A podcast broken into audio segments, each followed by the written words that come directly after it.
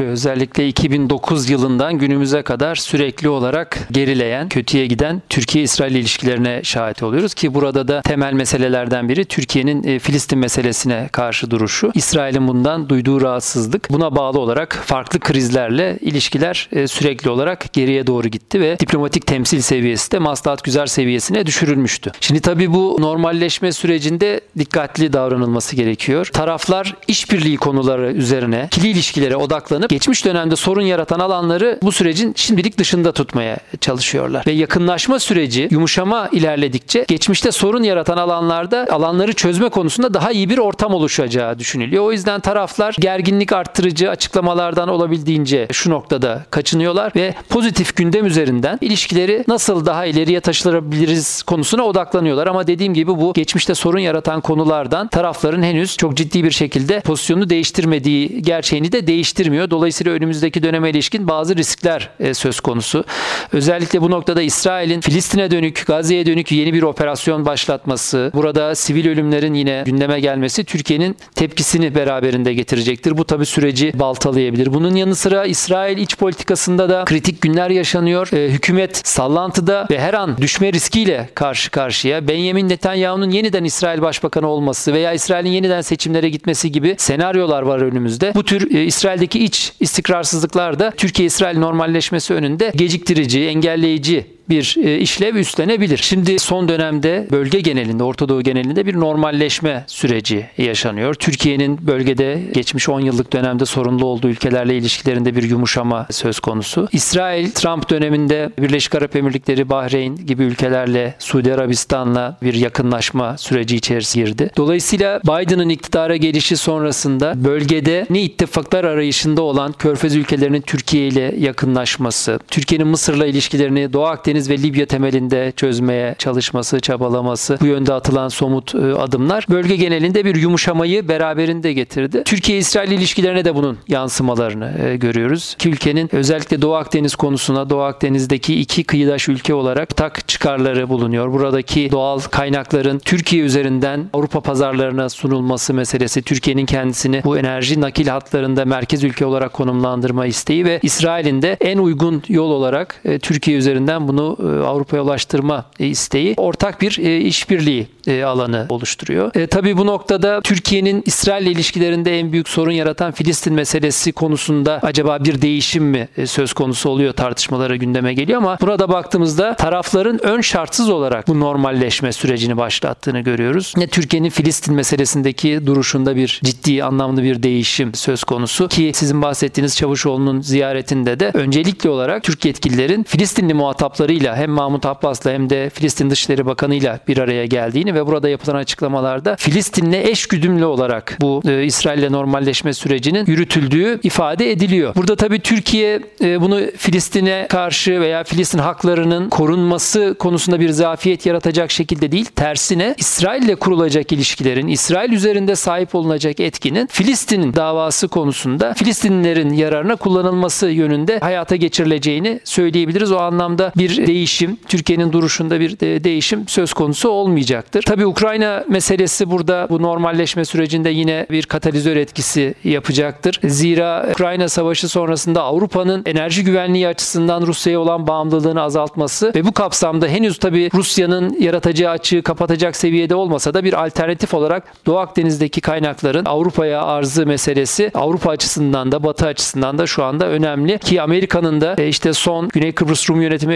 Yunanistan'ın e, başını çektiği İstmed projesine desteğini çekmiş olması bu anlamda önemli. Türkiye'siz burada artık bir platform oluşturulması çok mümkün gözükmüyor. Dolayısıyla bu da Türkiye-İsrail normalleşmesinde bir katkı sunacaktır. Tabii burada ilk başta ilk akla gelen bundan sonra diplomatik temsil seviyesinin yükseltilmesi meselesi olacaktır. Çavuşoğlu'nun e, ziyaretinde bu konu muhtemelen öncelikli olarak gündeme gelmiştir ve önümüzdeki dönemde iki ülkenin karşılıklı olarak büyükelçi atanmasının söz konusu olacağını söyleyebiliriz. Tabi öncelikle taraflar siyasi sorunu ve bu diplomatik e, temsil seviyesinin yükseltilmesinin ardından enerji e, işbirliğini, ekonomik işbirliğini gündeme getirecektir. Bu kapsamda Türk Enerji Bakanı'nın da İsrail'i bir ziyareti Haziran ayı içerisinde e, söz konusu olabilir. Şimdi tabii bu Türkiye-İsrail normalleşmesi belli ülkeleri kaygılandırırken bazı ülkeler açısından da fırsatlar yaratıyor. E, Türkiye'nin normalleştiği, İsrail'in yakın e, dönemde yine normalleşme süreci içerisine girdiği körfez ülkeleri açısından olumlu bir e, gelişme. Hatta o ülkelerle normalleşme İsrail ile Türkiye arasındaki bu yumuşamanın da yumuşamasında etkili olmuştur e, diye düşünüyorum. Ama tabii burada İran meselesi önemli. İran İsrail'i bölgede temel tehdit olarak bir yaşamsal tehdit olarak gören bir ülke. Türkiye ile komşuluk ilişkisi içerisinde ama farklı sahalarda bir rekabet de sürdürüyor bu iki ülke. İsrail ile normalleşme süreci en fazla İran'ı kaygılandıracaktır diye düşünüyorum. O anlamda da Türkiye ile İran arasında bir sıkıntı yaratma ihtimali e, söz konusu. Irak sahasında bu sıkıntıların bunların bazı yansımalarını görüyoruz. İran destekli milis grupların e, Türk hedeflerine veya çıkarlarına dönük saldırıları söz konusu oluyor. Suriye'de de benzer bir durum Türkiye-İran rekabetinin e, gerginliğinin kızışması söz konusu olabilir. İsrail'le yakınlaşma süreciyle birlikte. Tabi burada Türk-İsrail yakınlaşmasında enerji boyutu çok fazla ön planda olacak önümüzdeki süreçte. Enerji meselesi de İran açısından yine çok kritik. Enerji ithal eden, ihraç eden bir e, ülke olarak e, bu tür bölgesel enerji işbirliklerinden dışlanıyor dışlanıyor e, olması, kendisi dışında Avrupa'ya alternatif arz kaynaklarının yaratılıyor olması İran açısından diğer bir kaygı unsuru. Dolayısıyla İran'la ilişkiler anlamında bir sıkıntı yaratabilir gibi gözüküyor. Şimdi tabii Türkiye-İsrail normalleşmesi Doğu Akdeniz'de bir yeni işbirliği platformu kurulması açısından bir fırsat yaratabilir. Daha önce ifade ettiğim gibi Yunanistan ve Güney Kıbrıs Rum yönetiminin öncülüğünü ettiği bir Türkiye'yi de dışlamaya çalışan bir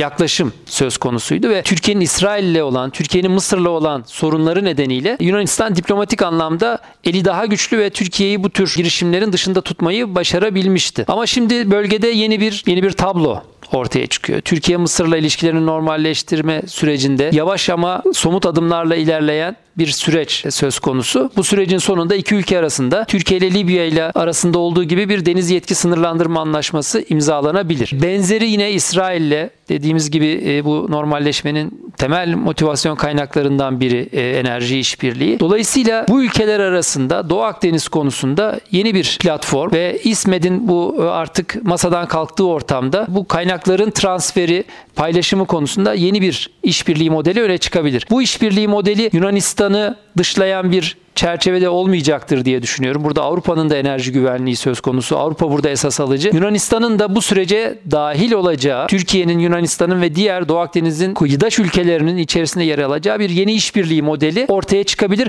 Ama bunun için henüz çok erken çünkü normalleşme süreci yavaş ilerleyecektir. Geçmiş 10 yıllık dönemde bu kıyıdaş ülkeler arasında sorunlu ilişkiler, bir güven bunalımı söz konusuydu. Öncelikle tabii bu güven artırıcı adımların atılması gerekiyor. Bu noktada öncelikle tabii büyük elçilerin karşılıklı olarak atanması hem Mısır'la hem İsrail'le önemli bir güven artırıcı adım olacaktır diye düşünüyorum. Ancak tabii bu e, normalleşmenin ilerlemesi durumunda enerji temelli başlayan, ortak çıkarlar temelinde başlayan bu normalleşmenin e, ilerlemesi e, durumunda bunun ekonomi ve enerji boyutunun yanı sıra güvenlik boyutunun da öne çıkması söz konusu e, olabilir. Özellikle bu noktada tabii Suriye başlığı karşımıza çıkıyor. İran bölgedeki İran etkisinin sınırlandırılması meselesi e, öne çıkıyor ki Türkiye bölgede bir büyük bölgesel güç olarak İran'ı hem Irak'ta hem Suriye'de, Lübnan'da bütün bölgede dengeleyen etkili bir aktör. Dolayısıyla Suriye meselesi başta olmak üzere Türkiye-İsrail arasında da bir koordinasyon, İran etkisinin sınırlandırılmasına dönük bir işbirliği belki söz konusu olabilir. Tabii Türkiye açısından bakıldığında İran meselesi, İran etkisi meselesi birincil kaygı kaynağı değil. Türkiye'nin birincil kaygısı YPG ile e, mücadele, terörle mücadele. Ama İsrail tamamen Suriye'ye İran üzerinden e, bakan bir ülke. İran'ı İran'a dönük, İran hedeflerine dönük sürekli olarak hava saldırıları gerçekleştiriyor ve Ukrayna Savaşı sonrasında Rusya'nın gücünün azalma ihtimaline karşılık İran'ın buna karşılık etkisini Suriye'de biraz olsun arttırması ihtimal var. Bu da İsrail'i Suriye'de daha fazla operasyon yapmaya ve İran'ı dengelemeye itecektir. Bu noktada Türkiye-İsrail normalleşmesinin Suriye'de de bir güvenlik işbirliğine veya koordinasyonuna doğru evrilmesi ihtimal dahilindedir.